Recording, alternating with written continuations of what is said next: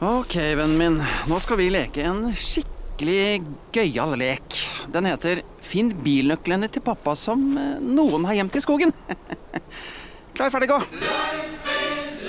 Å miste bilnøklene er ingen lek. Som NAF-medlem med veihjelp er nøkkelforsikring inkludert. Meld deg inn på naf.no. Hvordan er det å leve som kriminell? Nei, da sprang jo de eh, og så låste seg inn på doet med en eh, brødkniv. Kanskje best å komme seg herifra før det kommer noe. Jeg slo meg gjennom altandøra. Målet med hele greia å selge dop og alt det her, det er jo å leve som han Ola Dunk, skjønner du. Han chiller'n, han går på ferier, han har hita si, han har ditt og datt. Det er akkurat det samme vi har lyst på. Hør røverhistorier gratis der du hører podkast. Hvis du setter pris på Avhørt og syns at den jobben vi gjør er viktig, så kan du støtte oss ved å vippse til 8075 99 eller søke opp Batong Media i vips appen Og vi setter stor pris på alle bidrag, store og små.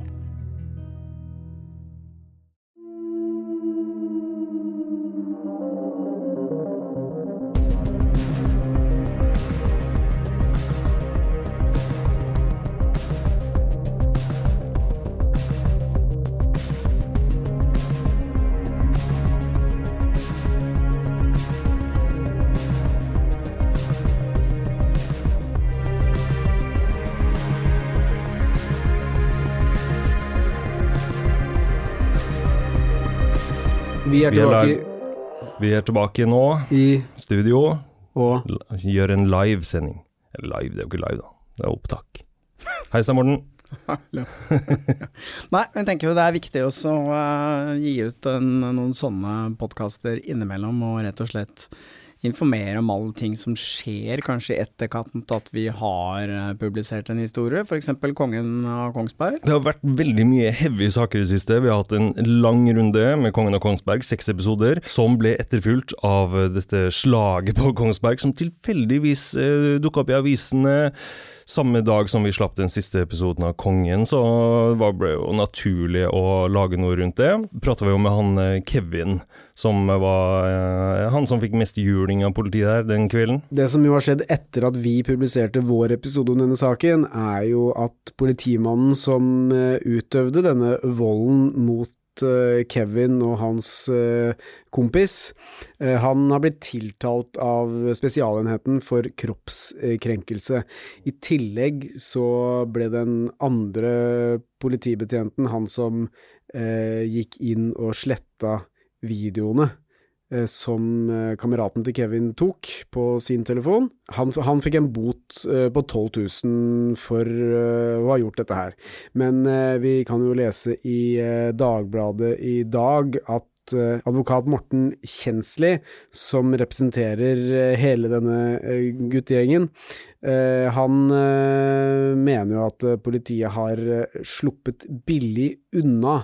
Og de eh, anmelder nå en eh, politiførstebetjent og en kvinnelig betjent for kroppskrenkelse eller medvirkning til dette. Og de anmelder også den eh, allerede tiltalte politimannen for falsk forklaring. Klart at Da vi lagde denne episoden, så visste vi jo ikke så veldig mye mer enn det som uh, Vi så det videoopptaket, og vi uh, snakka litt med Jonny Brenna. Mm. Fikk han sin syn på dette her. Og en advokat som advokat. mente at det var helt grei skuring. Mm, som mente at det der var helt innafor, og uh, Kevin selv, da.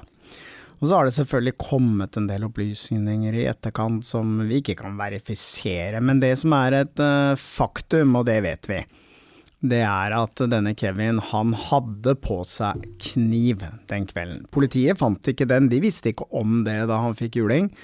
Det, Og de fant ikke kniven før fant ikke kniven, etterpå. Lå i lomma hans, men det ble oppdaget da han kom inn i arresten, da. Det er jo for meg i hvert fall et ganske stort rødt flagg at du går på byen med kniv i lomma. Ja, det, det kan man si, men den kniven var aldri en del av konflikten. Det har aldri kommet frem at eh, han f.eks. skal ha trua denne vekteren med kniv. Hvis det hadde skjedd, så hadde det vært naturlig at vekteren ville kommet med en påstand om det. Da. Så kniven er ikke så veldig relevant i mitt hode. Så ja, det, det er ikke særlig heldig å gå rundt med kniv ut på byen, eh, og hva han hadde tenkt å bruke den til, jeg vet ikke. Kanskje lage seg noe nistemat eh, på eh, enden av kvelden. Eh, Den hadde i hvert fall ikke blitt brukt, og var ikke en del av konflikten med politiet. Nei, det som sannsynligvis kommer til å bli eh, en stor del av rettssaken mot denne politimannen, er jo selvfølgelig eh, hva var eh, liksom opptakten til disse tingene. Og eh, eh, jeg tror nok at det blir bretta ut ganske mye f.eks. hva slags historikk denne Kevin har i forhold til eh, politiet. Altså var det slik at politiet kjente til han fra før av, var redd for han, hadde han en historikk for å slåss på byen? Altså, vi vet ikke. Det virker jo nesten på meg vi, da vi så den videoen at politiet nærmest fikk litt panikk. Og hvorfor skal de få panikk hvis det ikke er eh, en grunn til det? Jeg har vanskelig for å tro at denne politimannen i rent sinne bare bestemte seg for å gi han juling. Og det kommer til å bli interessant eh, når rettssaken kommer opp, som sagt. Men hvor, relevant kan det være, da? og hvor, mye vekt skal man legge på eh, La oss si da at eh, han har noe erfaring og vært borte i politiet og en såkalt kjenning av politiet. Det fjerner ikke det faktum at i videoen så ser man en politimann som går løs på en kar som står med henda i lomma. Nei, det er ikke noe tvil om det. Altså, det er jo ingen som, eh, ut ifra det man ser på den videoen, som forsvarer den oppførselen der. Men jeg tror nok det kommer til å bli relevant hva slags historikk denne Kevin har med politiet. Uh, om det på mange måter har vært en sånn utløsende faktor i den forstand at uh, politiet ansett han som farlig, og uh, dermed hva skal jeg si for noe, litt som Jonny Brenna sa da, det er ingenting i veien for at de legger ham bak i bakken. Nei, nei, nei. Ingenting i veien for det. Det er jo på mange måter det som skjer etterpå, at han slår, og da har jo denne politimannen som slo forklart at uh, han fikk ikke kontroll på han, men, men, det ser veldig rart ut. Alle disse slagene mot hodet, og at de reiser seg opp og trekker fram batongen osv. For meg så virker det som om nesten denne politimannen eh, mista huet fullstendig, altså. Fullstendig. Ok, Hvis det er forklaringen til politiet at han ikke fikk kontroll på han, da ga han ikke gitt seg selv veldig god tid til å få kontroll på vedkommende, da. For han starter jo med disse slagene sine med en gang han får Kevin ned i bakken der. Ja, det er vel ikke akkurat det man skal gjøre. Skal man vel kanskje prøve å holde han nede og få satt på håndjern, det er jo det som er eh, en naturlig måte å gjøre det på. Ikke drive og hamre og slå løs. Så det er ingen som forsvarer ting som forsvarer det. Men jeg tror det kommer til å bli et tema, denne om? Hva slags rykte, hva slags historikk har denne Kevin? Anså de han som farlig? Eh, har han noe historikk f.eks. å bruke kniv? Jeg har ikke hørt noen ting om det, altså. Men igjen, at du går med kniv i lomma når du skal ut på byen, det mener jeg er et stort rødt flagg. Absolutt. Ja. Denne saken er jo bare én av flere som vi har gitt ut i det siste, som har fått en del oppmerksomhet. Vi ga jo ut den episoden som vi har kalt Psykopaten, Ja. som eh, jo har eh, generert eh, mye innhold på vår Facebook-side de siste par ukene. Psykopaten, eller som han heter. Skal vi si det? Ja, vi kan blipe ut. Men uh, Det folk, må vi jo poeng- selvfølgelig fjerne, sånn som vi har gjort i episoden. Fordi selv om mange skriver inn til oss og sier at denne mannen er lett å finne på sosiale medier, så uh, ønsker ikke vi å nødvendigvis gjøre det enda enklere ved å, å si hvem han er. Altså hvis du som lytter er nysgjerrig nok til å ønske å, å finne ut hvem denne personen er, så vær så god. Vi har ikke lyst til å være de som peker på hvem denne personen egentlig er. Ja, så er det jo sånn at svensk TV har jo faktisk laget Ja, ja. en uh, TV-program om ham, så, de, eh, så sånn, så han er ikke så anonym. Men likevel så tok vi den beslutningen om å ikke opplyse navnet hans, for å, vi ønsket ikke å være med på å man skal gi han mer oppmerksomhet. Men det er klart at hvis du aktivt går inn for å finne ut hvem det er, så klarer du det. Jeg må også si at dette er kanskje den historien som jeg, eh, eller har vært mest motstander av. Ja. Eh, Jeg var motstander da du, eh, Helge, dro han inn her eh, første gangen for å gjøre intervjuet. Jeg må ærlig innrømme det, jeg var superskeptisk. Og Du var motstander underveis Jeg var- under intervjuet. jeg var motstander under intervjuet? Jeg likte ikke det. Jeg tror han skjønte at jeg ikke var så veldig stor fan. Jeg syns, han var fascinerende å prate med. For det, det er så rart, det, de tingene som kommer ut av kjeften på han. Også veldig provoserende. Ja, men han, han, han, la ting frem for å provosere òg. Ja, det var det han fiska etter hele tida. Selvfølgelig. Men jeg må også si at eh, der kan du se hvor mye innsikt jeg har i hva våre lyttere ønsker å høre, for jeg var også motstander av at vi skulle slippe den episoden ut i gratismarkedet. Jeg var litt sånn, skal vi virkelig gjøre det? Men det er klart sånn i etterkant nå, så ser jeg at nå, nå sier jeg ikke bare fordi det har vært eh, høye tall på den episoden, men det er jo mange som har kommentert at uh, det er jo fint at en sånn fyr får slippe til, av flere årsaker. En årsak er jo det at uh, han klager jo selv over at han ikke blir hørt og ikke blir sett, og folk som ikke blir hørt og sett, de kan gå til mye mer ekstreme tiltak. Nå har vi gitt han en anledning til å bli hørt og sett, uten at han har fått så veldig mye gehør for eh, meningene sine. Han eh, la jo òg ut om hvordan han svindler storsamfunnet og Nav annet, så kan han kanskje håpe på at noen i Nav-systemet har hørt på, og kanskje prøve å tette noen av disse hullene som eh, psykopaten gjorde oss oppmerksom på. Men kanskje aller viktigste, syns jeg, da, det er jo at kanskje man kan jeg vil ikke si lære noe, men kanskje man kan bli litt mer oppmerksom på at det finnes en del sånne mennesker der ute som du for all del bør få ut av livet ditt, hvis de er i livet ditt, eller i hvert fall komme seg vekk fra hvis du kommer sånne mennesker inn i livet ditt, fordi at de har et potensial til å virkelig ødelegge hele livet ditt. Så, så sånn sett så har kanskje det vært en vekke for noen folk, hva vet jeg. Ja, det, det er jo flere som tok kontakt med oss i etterkant og mente at eh, han var ikke psykopat, han bare spiller, han er bare ute etter oppmerksomhet. Og jeg tror, eh, jeg tror, jeg tror det òg. Han er jo ute etter oppmerksomhet, han elsker jo det. Men eh, jeg tror òg at han lider av noen ganske heftige personlighetsforstyrrelser. Blant annet eh, psykopati. Nå skal ikke vi sitte her og dele ut eh, diagnoser, det er vi ikke kvalifisert til. Ja, men vi- men, vi- vi men jeg får liksom følelsen av sånn grandios narsissisme, i hvert fall. Ja, ja. Ja. Og i dette tilfellet så mener vi jo, selv om vi ikke skal dele ut noen uh, diagnoser, så har vi kalt episoden for Psykopaten, men det er jo i all hovedsak fordi han har gitt seg denne tittelen selv. Mm. Selverklært psykopat der, altså. Vi har vært eh, på turné. Vi Det har vi. vært i. Trondheim og Bergen. Mm. Og Rockefeller, da. Og Rockefeller starta Ja. jo her i Oslo, men der eh, begynner vi å bli så eh, husvarme at vi måtte komme oss ut. Fra å være en fyr, Lars, som aldri har søkt noe oppmerksomhet eller stått på en scene, må jeg si det har blitt litt sånn blasert.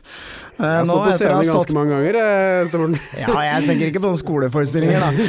på Toten. Nei da, jeg bare tuller. Vi hadde en pangstart på Rockefeller. Eh, fullt hus. Kjempegøy. Og dette var jo en eh, vet ikke, Hva skal jeg si for en, vi ikke kaller det show, det var en liveforestilling som vi Som vi var litt sånn spente på, da. Eh, særlig fordi at Stavanger ble kansellert pga. Schumann. Og jeg må jo si at alle de tre gangene da vi satt på scenen der og skulle få Schumann inn på scenen, så hadde jeg litt sånn her, jeg holdt litt pusten, og ok, hvordan blir dette tatt imot? Vanligvis når man har en sånn og får en ny gjest, da, så er det kanskje klapping og vill jubel og hei og hopp og sånn, og det, det er kanskje litt sånn upassende. Men jeg syns publikummet tok han imot på en litt sånn verdig måte, og han fikk lov til å, å fortelle det han ønsket å fortelle. Han svarte på det vi spurte han om. Eh, Vi snakket veldig mye om dette her med Klungland og møtet med, med enken og sønnen hans, og hvordan han selv eh, oppfattet eh, det møtet. Og han snakket jo veldig fint om Klungland. Mm. Så jeg syns jo eh, Jeg syns det ble liksom en verdig forestilling sånn sett, da. Eller en verdig opptreden, da. Han hjalp oss jo veldig med å, å forstå denne perioden i norsk kriminalhistorie, med ransbølgen som foregikk fra 86 til rundt eh, 2006, selv om han eh, ikke innrømmet å ha vært med på så veldig mye av det.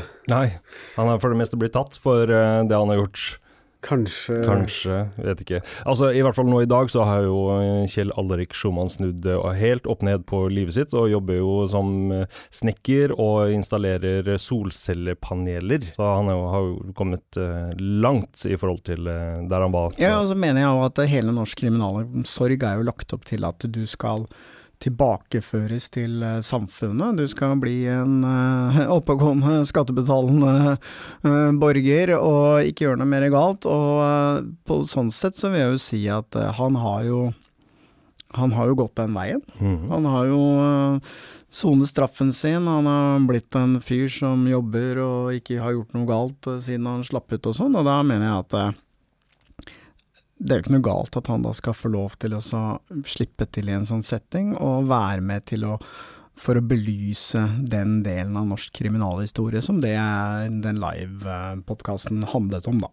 Men det er ikke alle som eh, tar ham like godt imot som det våre gjester, eh, eller vårt publikum, gjorde. Fordi bare noen uker før vi skulle reise på turné, så eh, var han uønsket i både med vårt, vår forestilling i Stavanger og i eh, Trondheim. Ja, det, det i Trondheim det gjaldt jo noe annet. Han skulle holde et foredrag for Finansforbundet. Men eh, det ble òg avlyst. Ja, og det snakker vi jo litt om eh, i denne På scenen snakket vi om det, og det som jeg syns er veldig ironisk, er at uh, Schumann skulle være med på en konferanse som handlet om utenforskap, og snakke om utenforskap, og så blir han utestengt fra en konferanse som handler om utenforskap. Og hvis ikke arrangørene da ser det ironiske i det, så må jeg begynne å lure litt. I forbindelse med at vi skulle på denne turneen, så har vi jo fått henvendelser fra veldig mange lyttere som lurer på om ikke vi skal komme dit hvor nettopp de bor, eksempel til Kristiansand, eller Arendal, eller Drammen, Tromsø. eller Tromsø. Det er veldig mange oppe i nord som vil at vi skal komme nordover. Noe som burde være benkers, var å dra til Kongsberg. Så hvis noen har et eh, lokale der, så uh, har, vi, har vi ganske mye fra Kongsberg. Vi kan en Send og en mail til Helge. Helge på tong.no. Ja. Eh, men det vi kommer til å gjøre, til liksom alle, alle dere som ikke fikk eh, av en eller annen grunn ikke hadde mulighet til å komme på noen av disse tre forestillingene som vi satte opp, så kommer vi til å gi ut eh, denne forestillingen i en litt nedklippet versjon som podkast snart. Så hyggelig. Så den dukker opp i feeden. Apropos å gi bort ting, eh, kanskje vi skulle gitt bort eh, noe til noen som har gitt noe til oss? Ja, fordi at eh, som sikkert mange har fått med seg, så, eh, så la vi jo inn en sånn, eh, hva skal jeg si for noe, en liten opp, det er ikke oppfordring heller, men vi sa at hvis du liksom Tigging, bare kall det det. Jeg vil ikke kalle det for tigging, altså, for det var det ikke.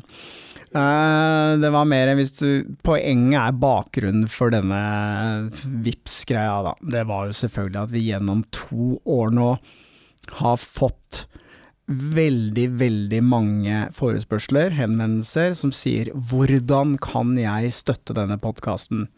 Har dere Patrion? Har dere Vips? Jeg ønsker å bidra til denne podkasten. Ja. Og vi har jo ikke gjort noe med det eh, før nå i det siste. Så tenkte vi ja, hvorfor ikke? Eh, hvis man ønsker å vippse en femtelapp eller hva det er for noe. Noen har vippsa mye mer enn det, og det syns vi er utrolig raust. Men det handler jo om at å Igjen, altså, vi er ikke NRK. Vi får ikke fem-seks milliarder fra staten, som NRK får hvert eneste år for å lage eh, podkaster. Og det er klart Eller, press, eller pressestøtte, som mange andre mediehus får. Heller ikke noe pressestøtte, som mange får. Deles ut mange hundre millioner i pressestøtte til ulike aviser. Men grunnen til at jeg sier det, er for hvis du ser på topplistene på podkastene nå, så er det stort sett bare NRK som ligger over oss. Og de har altså mellom fem og seks milliarder kroner. Altså, selv om du ikke får noen sånn krav om eh, lisens lenger, så er jo ikke det borte. Det er bare at de tar det ut av skatten din istedenfor å betale det som skatt. Og vi har jo ikke noen støtte, vi har liksom ikke noe penger som kommer inn på den måten. Og det å drive denne greia som vi holder på med, å grave i saker og lese dokumenter og reise ut og snakke med folk osv., osv., det koster jo mye penger. Det er jo ikke gratis. Nei.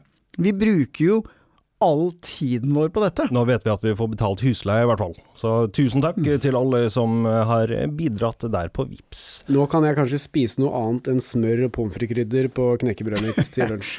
Men uh, kunne vi ikke delt ut noe sånn merch til uh, noen uh, randoms? Eller det vi kommer til å gjøre nå, det er å velge ut tre heldige vinnere av de som har uh, vippsa oss penger. Vinnere, det høres ut som en konkurranse. Det er det, det, er det jo Det er ikke en konkurranse. Eh, vi ønsker å gi dere en gave tilbake, Ja. dere som har gitt Ja, en gave til oss. Dere, Ja, altså, noen så av dere skal få en gave tilbake. Kan jeg bare tilbake. understreke at vi skulle så gjerne ha gitt til alle som har vippsa til oss. Ja. Men hvis vi hadde gjort det, så hadde vi gått seriøst i minus. så det har vi rett og slett ikke mulighet til. Men vi ønsker i hvert fall å gå gjennom lista og bare vilkårlig plukke ut noen av dere som har vært så utrolig greie. Hvem i all verden? Ja, hallo, du. Nei, Snakker om sola. Snakker om sola. Nei, da vi snakker Vel ikke om det. Kom inn. overstått eh, 17. mai, Annik. Hadde dere det fint? For Mikrofon. de som ikke skjønner hva som skjer nå, nå kom akkurat uh, Jannik Iversen inn eh, døra. Med Haralds Alltid eh, i- gym-T-skjorte. Du må sette deg ved en mikrofon hvis du skal være her. Hadde dere en fin 17. mai? Veldig fin 17. mai. Ja, så bra. Det var sammen med familien. Ja, vi fikk uh, grilla pølser og hamburger og spist Ja, is. veldig koselig, veldig koselig med familie og, og venner. Og Jeg syns det er kjempegøy. Går og spiller hele dagen. Syns det er fantastisk. Uff, det må være slitsomt. Nei, det var utrolig morsomt. Men eh, kan vi eh, Er det lov å snakke litt om saken din, eller? Ja, min sak kan du snakke Ja, om. fordi det har jo skjedd en liten utvikling som i hvert fall jeg syns er eh, veldig spennende, som du fortalte meg om. Jeg vet ikke, Kan du snakke om det? Ja, nå har vi iallfall fått en, en eh, saksbehandler. Vi har fått en navn vi kan eh, forholde oss til. Ja, er ikke det ganske positivt? Fordi at eh, mitt inntrykk av det er jo at det er veldig mye som bare blir avvist med en gang. Altså de gjør liksom Det blir bare avvist. Men nå har du fått satt egentlig en etterforsker på saken, og det betyr jo at de tar det på alvor, da. At de faktisk ønsker å, å gå nærmere etter og se om det er et uh, ordentlig grunnlag for å gjenoppta saken din. Så for meg så høres det veldig positivt ut. Hva tenker du? Jo, det høres veldig positivt for meg òg, også for advokatene mine. eh, Benedicte Wibe og Kaja Wibe, som gjør en veldig bra jobb. Eh, Så vi bare tar det derfra, for at eh, du vet ma- makta som rår. Jo, ja, men altså, du trenger ikke å si noe mer, men eh, det var bare egentlig det jeg var ute etter. At uh, det er en utvikling her, det det skjer noe. ja.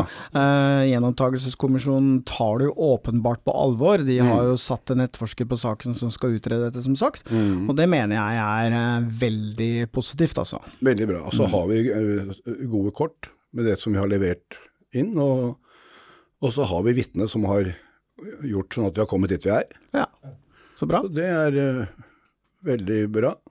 For, for kunne gjennomtakelseskommisjonen bare kasta i søpla? Og Altså, jeg vet ikke hvordan det foregår, men mitt inntrykk er vel litt at uh, de setter vel ikke en etterforsker på hver eneste sak. Tenk til alle de uh, Jeg tror det skal gjøres. Det skal gjøres, ja, ok. For at det tror jeg eh, rettssikkerheten, så uh, uavhengig Så lenge du leverer en ankesak, så skal folk andre øye titte på det, og så vil den ta en vurdering. Ok. Men det har gått ganske fort, da. Fordi det er jo mange som har slitt med dette her eh, Altså det tar år før man Å ja, det, hører noen men du kan tenke deg sånn som den kommisjonen har ligget eh, brakt nå, når man ser på de sakene som har kommet opp. Og, og det er jo da kommet nye mennesker inn der, og, og flere sannsynligvis.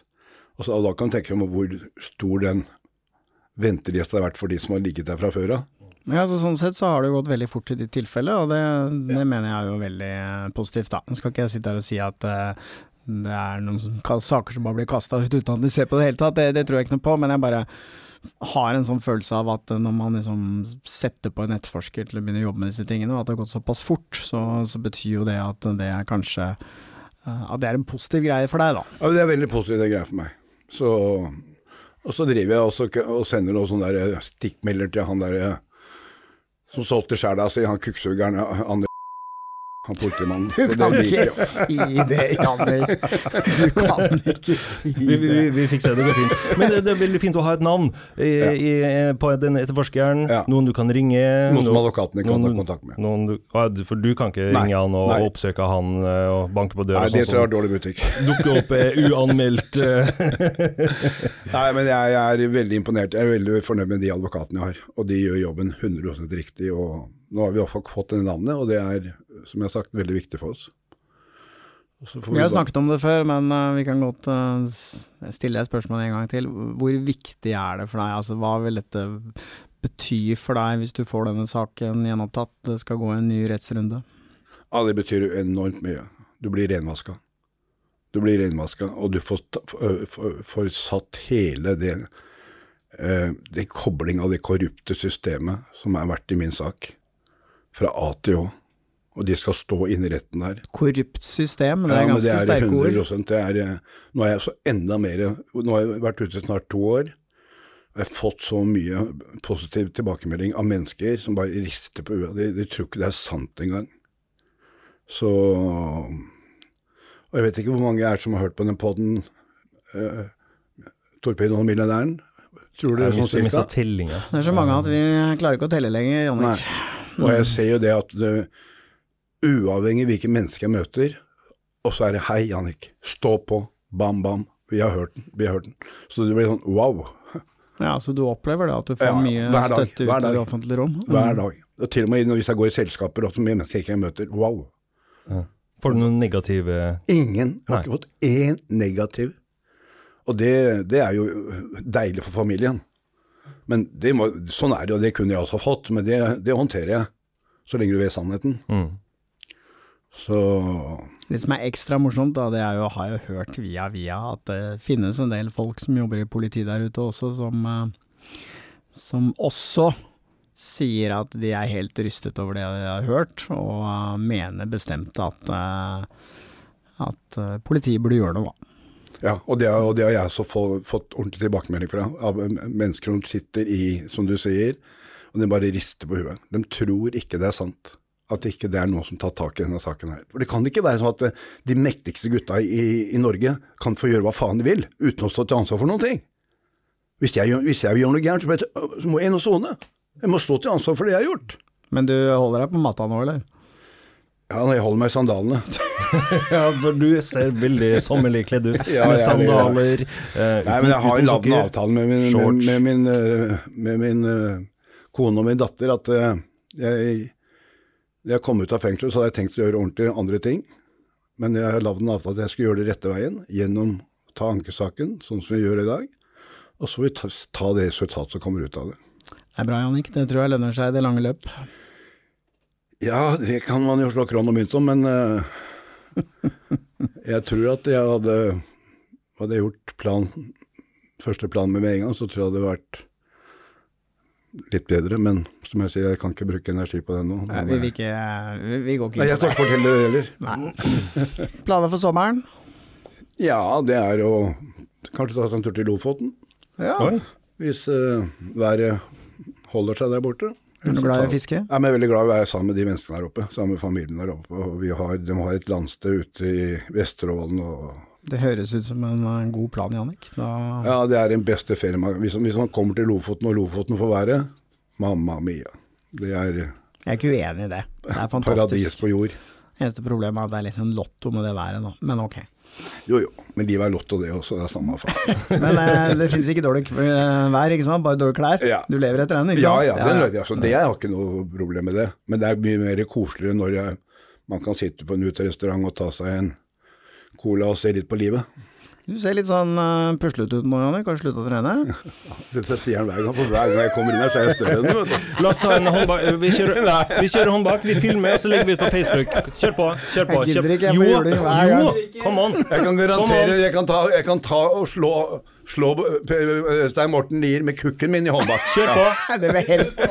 Ja, ok. Ok. Dere som vil se det her, kan gå inn på Facebook-siden. Vi dekker det fra to vinkler her nå. Det, det ser ut som du kommer rett fra Haralds gym, for du har på deg T-skjorta. Ok, vi er klare. Dette blir kort prosess. Og Er du klar? Ok, vi er klar. Og der tapte stemmen. Ok, gratulerer. Takk for at du kom, eh, Jannik. Bare hyggelig, alle mine seerne en riktig god sommer. Vær snille mot hverandre. Ja. Og bare følg med Norges beste podkast, Avhørt. Så kommer, skal dere få alt det som skjer i min sak. Ha en god sommer. Og nå har jeg bestemt meg for å ligge i hardtrening, Jannik, for dette var ydmykende. Skal jeg bare trene på håndbak i hele sommer? Makan. Uff.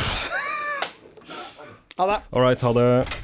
Ok, da forsvant Jannik ut eh, døra. Ok, okay. mens, mens, mens eh, du ble ydmyket av Jannik, eh, av en mann som er eh, hva, ti år eldre enn deg, så har jeg funnet noen eh, tre heldige lyttere som skal få eh, merch av oss. Det var en som fikk en knust kopp i posten, du er klar over det? Så Ja, det spørs hvor heldige de er, disse mottakerne. Vi får se. Kai Kristian, du vippsa oss 14 i fjerde. Veslemøy 25. i fjerde. Og Jannis, eller Jannike, usikker på uttalen her, 16.5. Fint. Send oss en melding, så får dere en diger merchpakke i retur.